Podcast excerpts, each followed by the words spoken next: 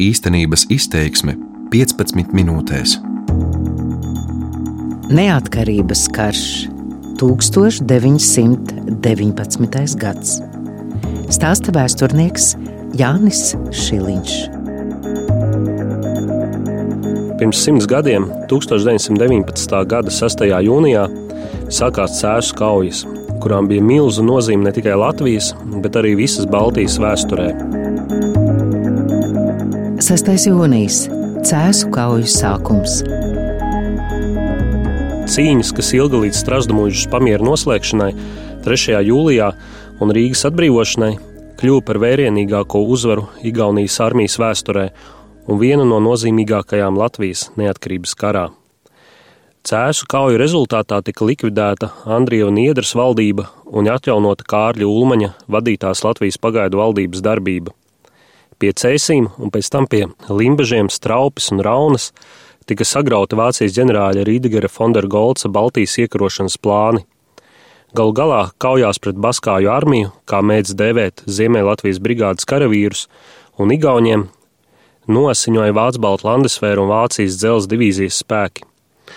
Tā kļuva par Vācu Baltiešu militāro vienību lielāko sakāvi neatkarības kara laikā, kur viņu paši vēlāk pielīdzināja Zviedrijas karaļa Kārļa 12. piedzīvotajai katastrofai kaujā pret Krievijas cara Pētera I armiju pie Poltavas 1709. gadā. 1919. gada jūnijam noteikti varētu piedēvēt sarežģītākā neatkarības kara mēneša nosaukumu. Visu konfliktā iesaistīto pušu atklātās un slēptās motivācijas ir sapinušās tik biezā muģeklī, ka to diezinu vai kādreiz būs iespējams līdz galam atšķetināt. Šķēpi ir lausti par daudziem jau daudziem jautājumiem, piemēram, cik pamatot bija Igaunijas armijas atrašanās Latvijas teritorijā, cik pamatot bija pulkveža Jāņa Baloža un viņa komandētās latviešu brigādes ieturētā neutralitāte cēsu kauju laikā. Kas būtu noticis, ja netiktu noslēgts Strasdamūžas pamiers? Gal galā vai būtu iespējama Landesvēra dzelzdivīzijas Golds un Iedras uzvara cēzus kaujās. Un tā mēs varētu turpināt bez gala. Bet pirms ķerties klāt detaļām un laikmeta liecībām, aplūkosim vēsturisko fonu, uz kuru tika izspēlēta cēsu kauju drāma. Latvijas neatkarības kara gaitu noteica galvenokārt divi ārēji spēki, divas lielvalstis - Padomju Krievija un Vācija. Padomju Krievija 1919. gada maijā pēc Bavārijas Padomju Republikas sabrukuma Vācijā bija zaudējusi jau kādu interesi par Baltiju, kur pirms tam uzskatīja par placdarmu revolūcijas eksportēšanai uz rietumiem. Padomju Lietuvas un sakojošais padomju Latvijas sabrukums bija likumsakarīgs šī pavērsiena rezultāts.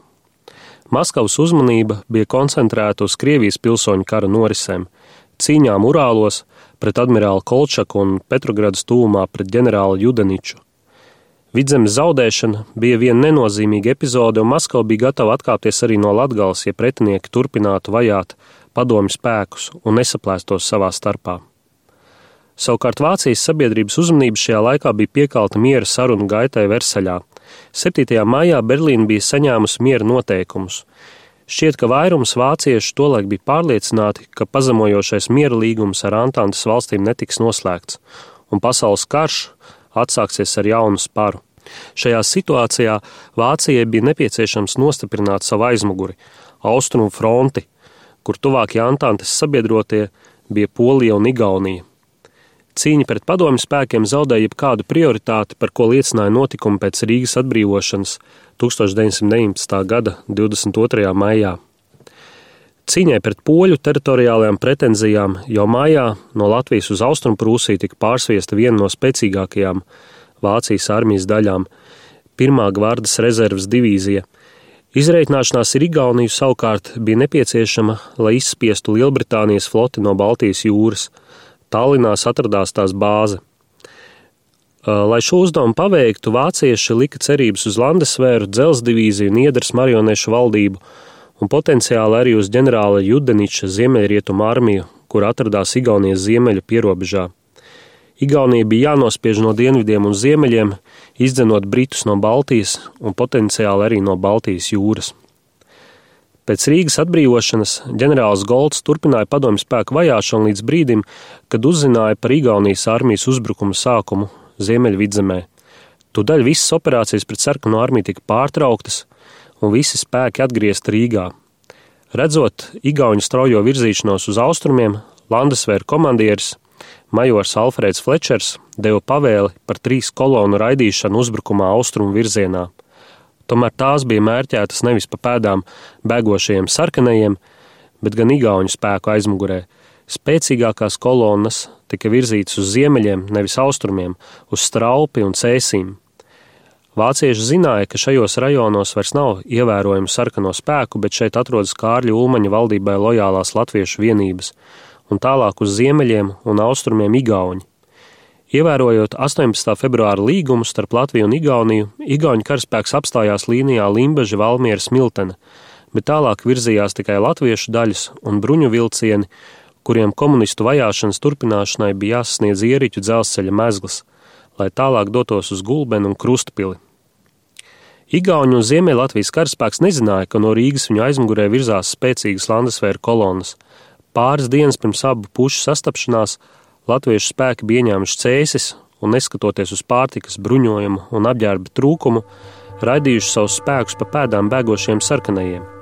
Cēsīs steidzīgi sāk formēt jaunas vienības, no kurām slavenākā bija cēsu pulka skolnieku rota. No laika biedru atmiņām. Jūnija sākumā cēsīs ienāca Latvijas Nacionālās armijas otrais cēsu pulks.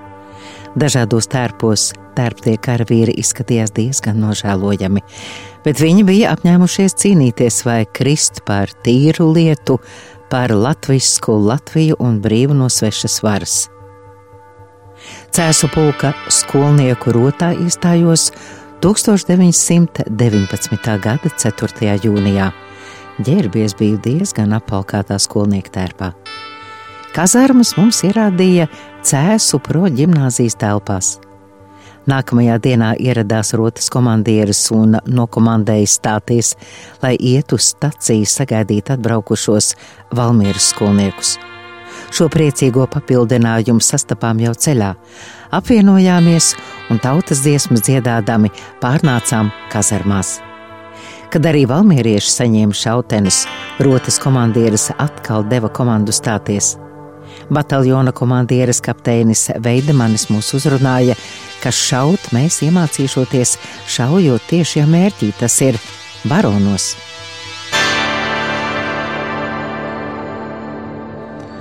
Latviešu puse cēsis uzskatīja par dziļu aizmuguri, un to izvēlējās par tālāku operāciju bāzi pret sarkano armiju.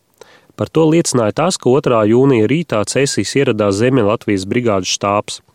Tāpēc liels bija pārsteigums, ka tās pašas dienas vakarā tika saņemta ziņa, ka vācieši ieradušies ieriķos un grib doties tālāk uz cēsīm.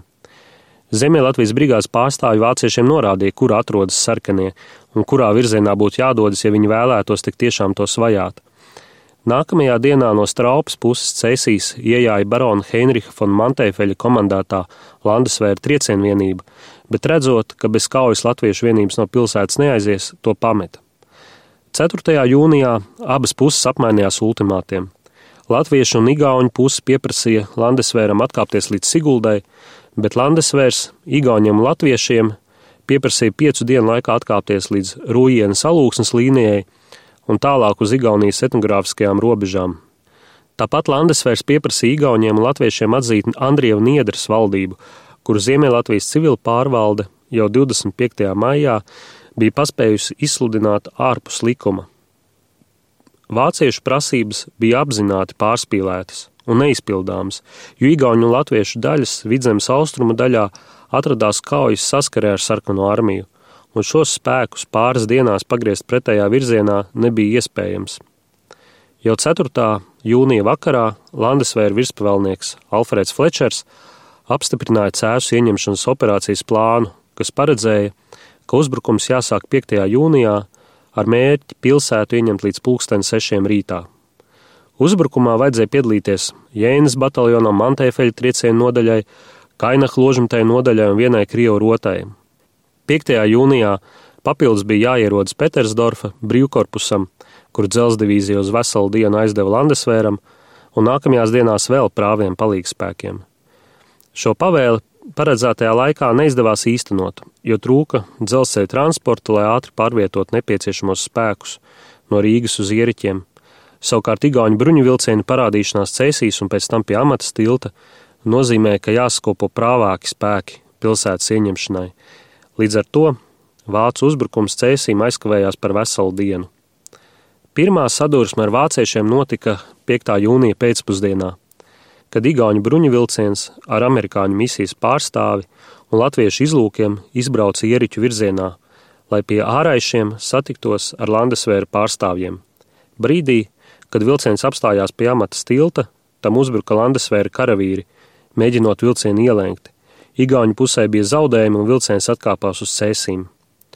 5. jūnija vakarā notika druģēna gatavošanās gaidāmajai kaujai.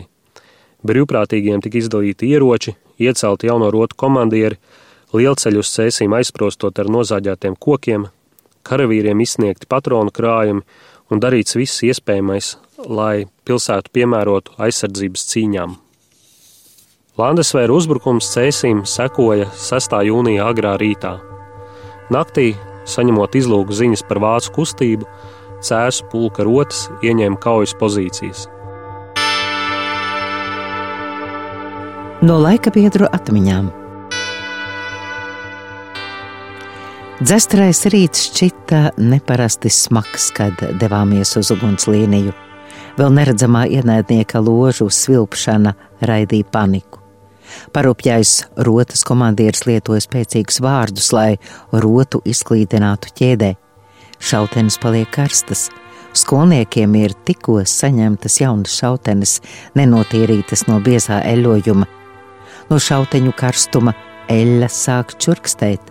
Daži zēni tā aizraujuši šaušanā, ka pieceļas uz ceļiem, lai labāk ieraudzītu ienaidnieku, bet Landisvēra ložmetēju uguns dara savu darbu.